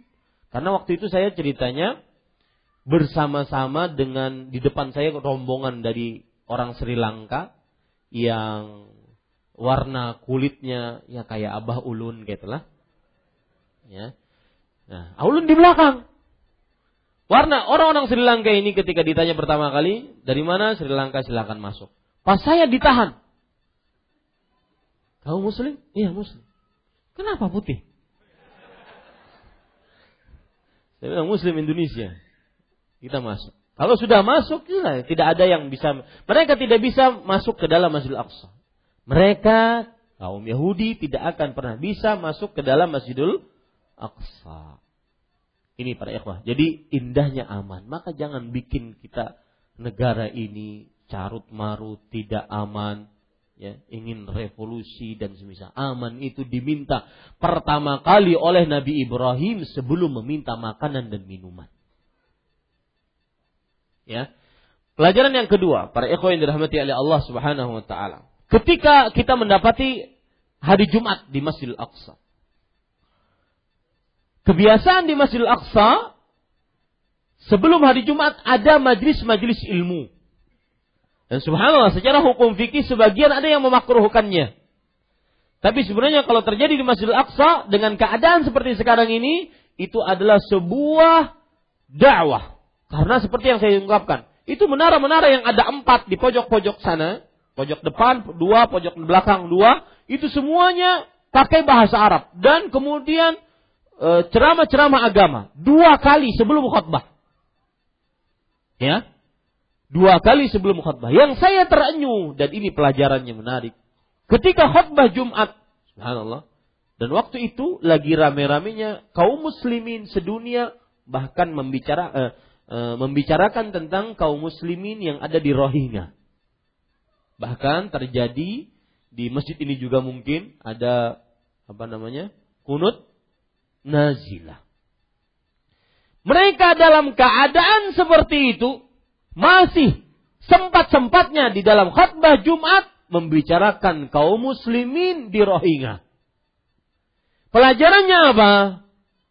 Wahai kaum, wahai para ikhwan dirahmati oleh Allah. Wallah, Rasul sallallahu alaihi wasallam bersabda, "Wallahu fi aunil 'abd abdu fi auni akhi. Allah akan selalu menolong seorang hamba selama hamba tersebut menolong saudara muslimnya.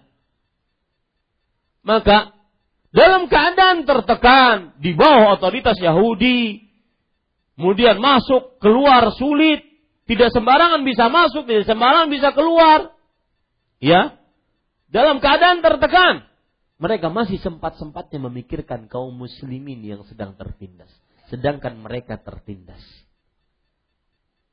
Ini pelajarannya adalah yaitu selama kita menolong kaum muslimin, selama itu pula Allah akan menolong kita. Yang ironi, kadang-kadang kita aman seperti ini, sesama kawan muslim becakut.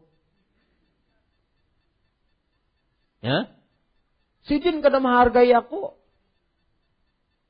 Sidin meremehkan aku. Dan semisalnya. Nah ada yang lebih besar daripada ini. Benar-benar dalam hadis riwayat Imam Muslim Rasulullah SAW bersabda, "Ya isa syaitan an ya'budahul musallun." Syaitan sudah putus asa untuk mengajak orang-orang yang sholat dari kaum muslimin untuk menyembah selain Allah. Putus asa syaitan. Walakin fit. Akan tetapi syaitan tidak akan pernah puas untuk mencerai-beraikan kaum muslimin. Ya, hati-hati para ikhwah. Coba bersihkan hati, jangan saling uh, apa namanya besesangitan di antara kaum muslimin. Permasalahan yang kadang-kadang bukan permasalahan prinsipil agama. Hanya sidin kadang menghormati aku itu aja pindahnya. Ya, ini para ikhwah. Ini yang kedua. Yang ketiga. Bapak ibu saudara-saudari yang dimuliakan oleh Allah. Yang saya ceritakan tadi. Pengalaman yang ketiga. Yaitu banyak orang-orang yang murabit di sana. Orang-orang yang murabit yang mereka diam di Masjidil Aqsa. Kalau keluar mereka bermasalah karena tidak punya apa tadi? KTP Arab Israel tadi. KTP ada Arab Israel namanya. Jadi di sana ada tiga e, berkas, berkas yang merupakan paspor Palestina, paspor Yahudi, paspor eh KTP Arab Israel. Itu yang berhak masuk. Nah, pelajarannya apa para yang dirahmati oleh Allah Subhanahu wa taala? Maka orang-orang seperti ini itulah indahnya. Itulah surga mereka. Syekhul Islam mengatakan inna fid dunya jannatan man lam yadkhulha lam yadkhul jannatal akhir. Sesungguhnya di dunia adalah terdapat surga. Surganya apa? Lezat ibadah. Lezat di masjid. Jauh dari kemewahan dunia, jauh dari permasalahan-permasalahan dunia, pasar, mall, jauh. Yang ada cuma murabit di masjid. Kami akan pertahankan Masjidil Aqsa sampai dar titik darah penghabisan. Itu dunia, itu surganya. Maka coba kita yang jauh dari itu, cari surga kita.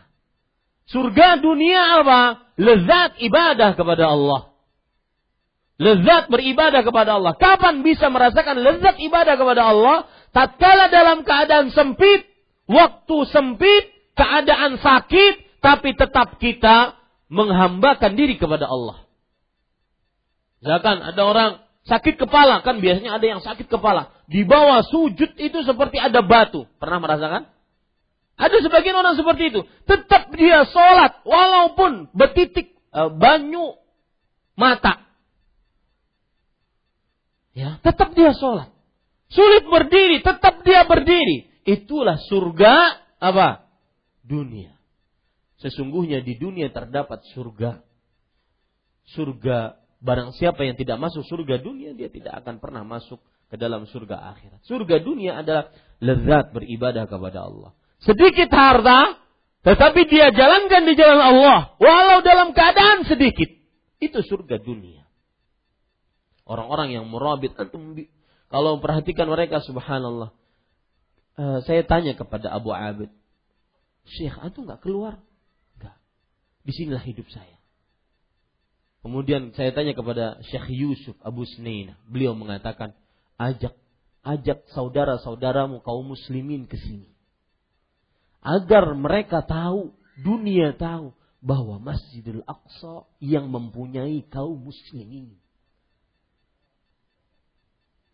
Kemudian beliau mengatakan juga, lihat, ini surga dunia. Beliau mengatakan, mereka menghalangi kita untuk azan. Mungkin mengganggu tidur mereka, mungkin, mungkin, dan mungkin. Tetapi kami akan tetap azan. Dan subhanallah Pak akan terasa. Karena dia kan kawasan Pak. Kawasan yang kalau kita masuk itu azan kan terdengar dari 1,8 hektar terdengar. Dan subhanallah suaranya itu menggema. Kami akan tetap azan sampai titik darah penghabisan. Itu surga dunia. Kemudian Pengalaman yang selanjutnya, Bapak Ibu, saudara-saudari yang dimuliakan oleh Allah Subhanahu wa taala adalah bahwasanya kita banyak mendatangi makom-makom sebagaimana saya sudah ceritakan. Dan makom di sini perlu dijelaskan baik-baik bahwa dia bukan kuburan para nabi karena para ulama rahimahullah taala menjelaskan bahwasanya tidak ada kuburan para nabi yang jelas dikenal dengan pasti kecuali kuburan Nabi siapa? Muhammad Adapun makam-makam tersebut hanyalah tempat-tempat situs-situs yang diriwayatkan para nabi alaihi wasallam pernah berada di situ. Kemudian pengalaman selanjutnya para ikhwan dirahmati oleh Allah Subhanahu wa taala yang bisa kita ambil juga adalah bahwa kedatangan kami waktu itu hari Kamis. Syekh Yusuf Abu Sunainah mengatakan kedatangan kalian ini berkah. Kenapa? Karena delapan bulan kami tidak keturunan hujan. Hari pertama kalian datang Kamis, saya bertemu dengan beliau Jumat. Kamis hujan dua hari. Subhanallah. Jadi musim dingin sekian mungkin sampai 10 8 derajat Celcius ditambah hujan. Dingin sekali. Ya. Sampai yang video yang Ben lihat tadi, ya. Kan itu bepandir. Gigi itu kedinginan. Ya gara-gara ingin mudah-mudahan itu bermanfaat untuk kaum muslimin maka dibuatlah video tersebut. Nanti insya Allah akan disebar. Maka Bapak Ibu saudara-saudari yang dimuliakan oleh Allah Subhanahu wa taala, pelajarannya adalah bahwa ada hadis riwayat Imam Ibnu Majah. Laulal bahaim lam tumtar. Kalau seandainya bukan karena hewan, maka tidak akan diturunkan hujan bagi kalian. Rasulullah SAW bersabda, "Khamsun idza betulitum bihinna wa a'udzu billah an uh, an tudrikuhunna." Lima perkara jika kalian diuji dengan lima perkara ini. Dan aku berlindung kepada Allah kalian mendapati lima perkara ini. Salah satunya adalah walam tanqusul mikyal wal mizan illa ukhidhu bis sinin wa shiddatil maunah wa jawri sultani alaih. Lihat para pedagang yang yang kadang-kadang mengurangi takaran timbangan, yang kadang-kadang memalsukan, mengoplos. Kata Rasul Shallallahu Alaihi Wasallam, tidaklah kalian mengurangi takaran timbangan kecuali Allah akan memberikan kekeringan kepada kalian. Mahal barang-barang dan pemimpin yang zalim terhadap kalian. Di sini terdapat pelajaran bahwa Pemimpin adalah cerminan bagi rakyat. Pemimpin adalah cerminan rakyatnya. Maka perbaiki kehidupan kita, kita senantiasa akan mendapati pemimpin yang saleh dan muslih.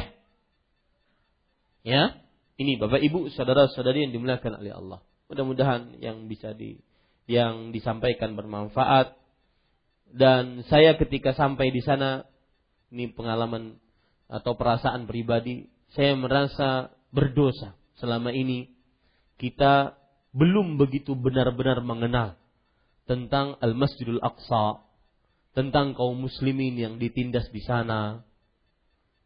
Ya. Kita masuk Pak ke dalam kota Ariha tadi, Jericho tadi, itu terpampang tulisan besar di situ.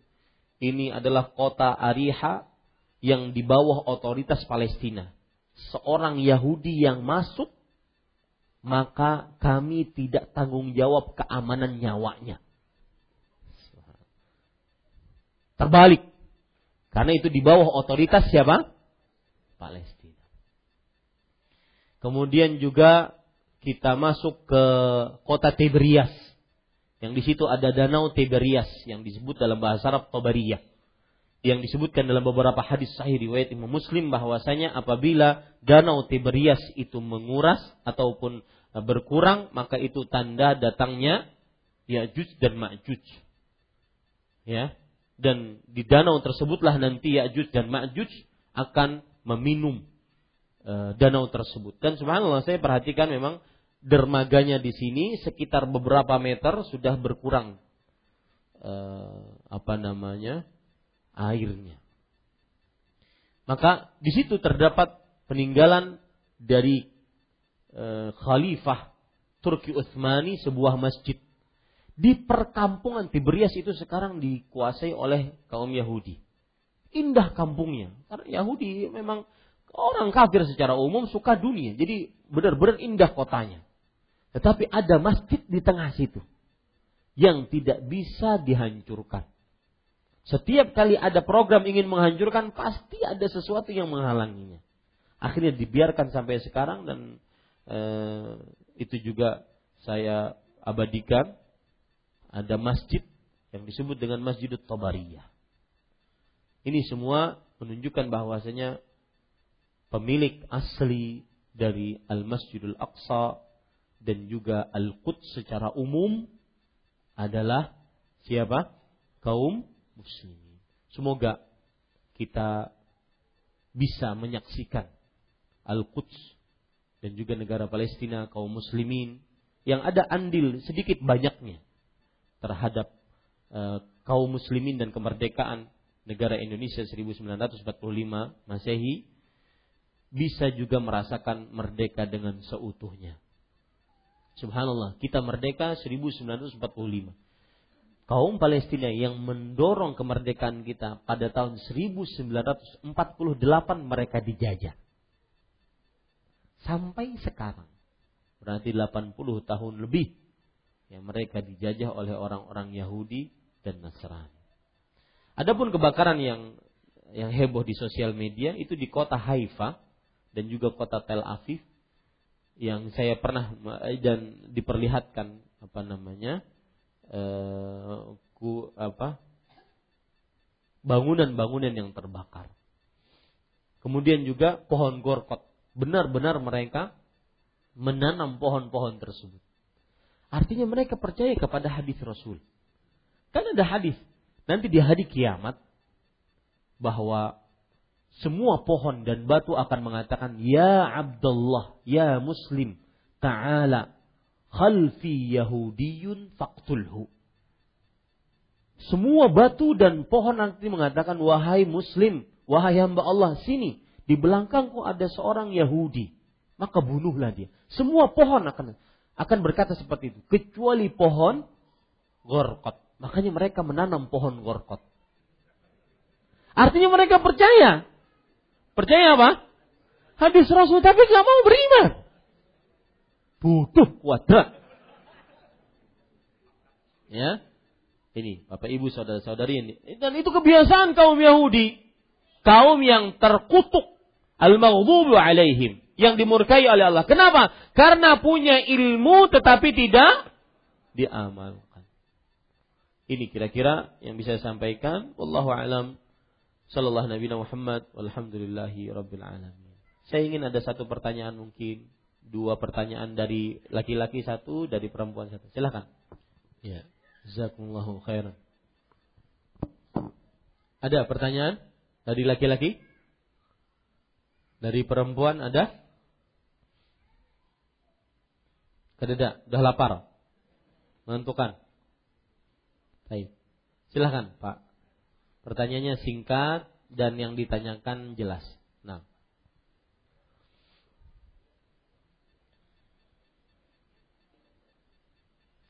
Sebelum ada pertanyaan karena masih jalan mic-nya, yang saya jelaskan jelas Pak? Jelas ya. Sekarang keadaan Palestina Masjidil Aqsa jelas ya insya Allah. Nah. Assalamualaikum warahmatullahi wabarakatuh. Waalaikumsalam. Allah atas kesempatannya. Singkatnya, dalam Al-Quran itu kan kaum Yahudi tidak akan senang kalau tidak memasuki agama mereka. Pertanyaan saya, apakah ada dakwah-dakwah mereka sehingga menggait atau membawa kaum muslimin ke mereka gitu. Terima kasih. Assalamualaikum. Ya, yang kita lihat tidak ada. Yang saya perhatikan di sana tidak ada. Cuma seperti yang saya bilang tadi, Al-Masjidil Aqsa kawasannya itu berada di Yerusalem ataupun Al-Quds bagi kita kaum muslimin. Nah, kalau Al-Quds itu e, kota yang banyak kaum Yahudinya. Lambang-lambang Yahudi di mana-mana. Ya. Tapi secara dakwah mereka tidak terlihat. Wallahu a'lam. Ada ibu-ibu pertanyaan? Laki-laki satu lagi ada mungkin? Sebelum kita sholat isya. Ya, untuk ibu-ibu kajian nanti tentang uh, apa namanya? Besok insya Allah kajian khusus ibu-ibu di masjid ini Kamis jam 10 seperti biasa dengan judul seberapa dekat Anda dengan Al-Qur'an Al-Karim, Al-Qur'an yang mulia. Ini uh, untuk menanggapi tuduhan-tuduhan kepada kaum muslimin yang tidak ikut uh, mengadakan demo akan tetapi diam saja, maka sebenarnya eh, yang patut kita perhatikan adalah kita kaum muslimin seberapa dekat dengan Al-Qur'an Al-Karim. Seberapa membela kita Al-Qur'an Al-Karim dengan kedekatan kita. Ini akan saya kupas nanti insya Allah taala besok. Ada pertanyaan?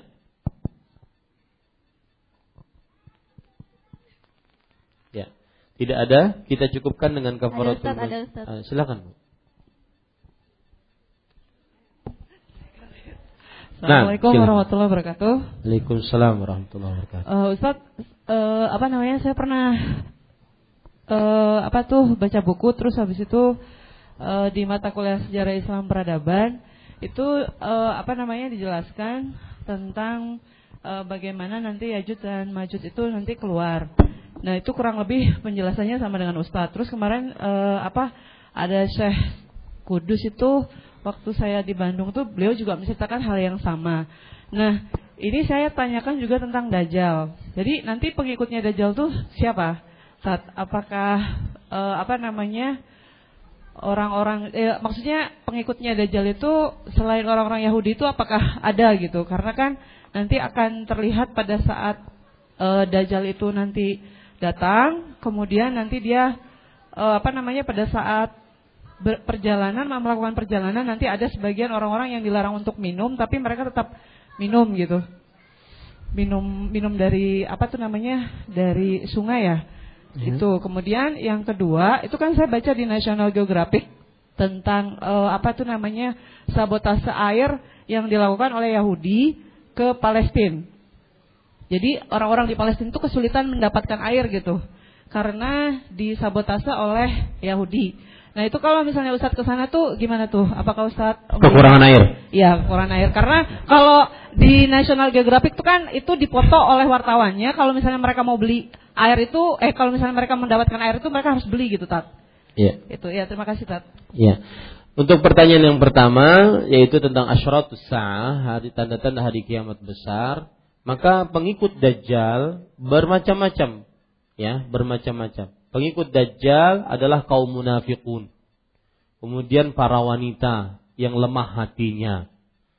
Kemudian juga eh, pengikut Dajjal di antaranya juga orang-orang kafir. Mereka adalah para pengikut Dajjal. Adapun Ya'juj dan Ma'juj adalah kaum yang besar-besar dan kuat-kuat keluar dari e, daerah yang tinggi ya wahum min kulli hadabin yansilun kata Allah. Dan mereka turun dari daerah-daerah yang tinggi dengan cepat sekali. Kemudian setelah itu mereka jadi turun dalam keadaan jumlah yang banyak. Yang eh, pertama masuk ke danau Tiberias tadi, kemudian meminum. Kemudian setelah itu disebutkan dalam hadis riwayat Imam Ahmad, lalu yang akhir mengatakan laqad kana hahuna ma'un.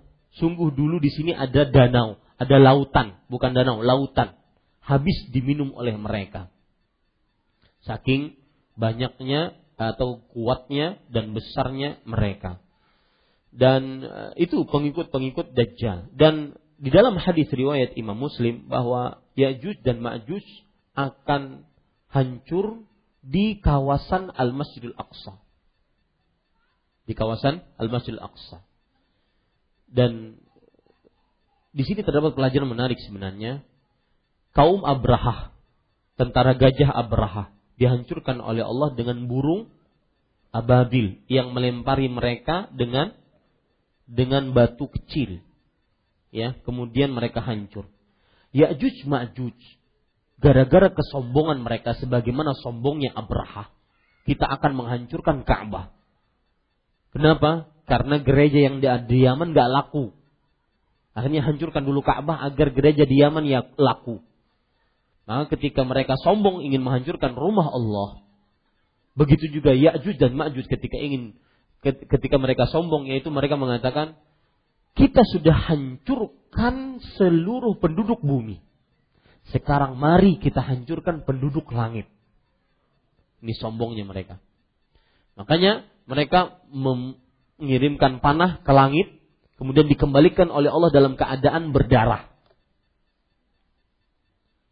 Maka Allah Subhanahu wa taala pun mengutus apa? Antum tahu? Ulat-ulat kecil.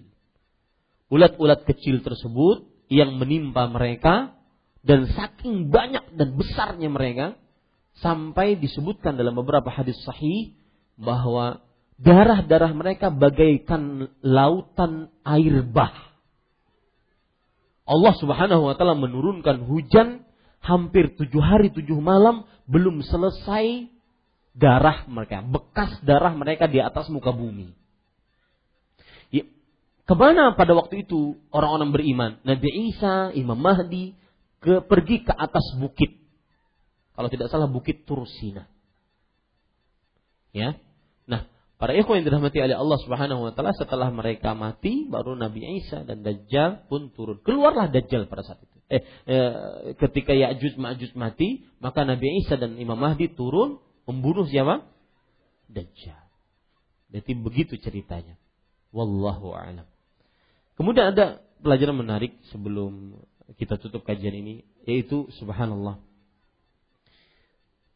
Kita saya dari Jakarta kemudian ke KL, Kuala Lumpur, kemudian ke Jordan. Bahasa Arabnya Urdun. Jordan, di situ kita ke beberapa situs. Kemudian dari Jordan 40 menit ke perbatasan.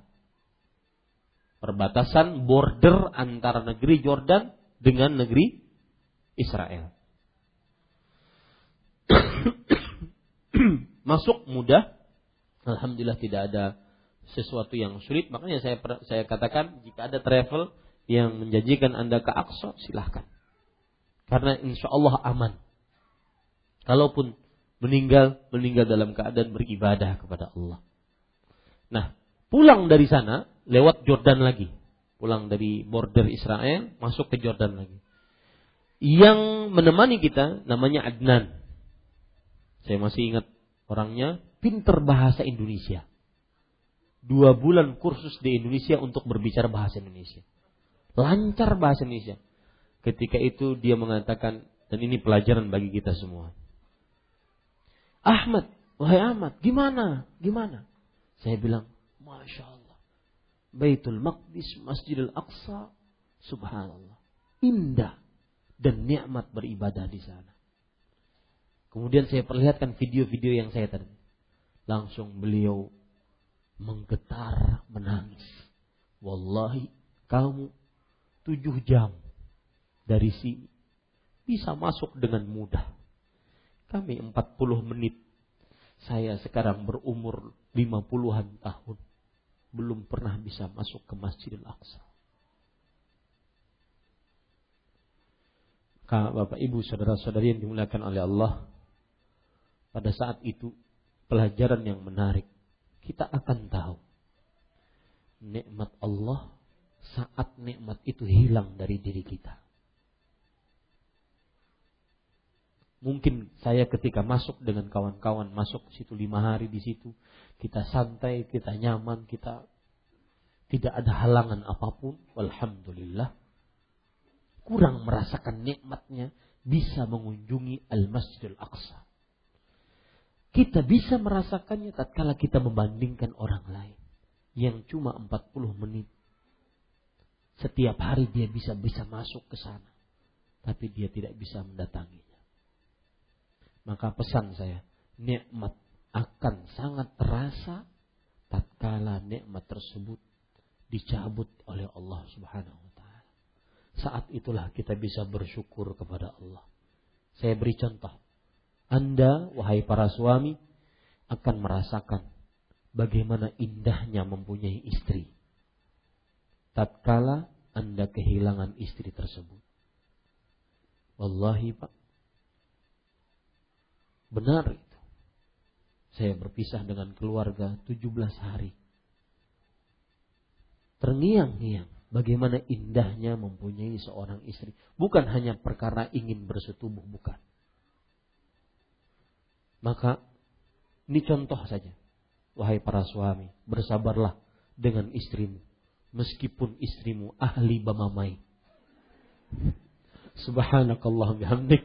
Asyhadu an la ilaha illa anta astaghfiruka wa atubu ilaik. Wassalamualaikum warahmatullahi wabarakatuh.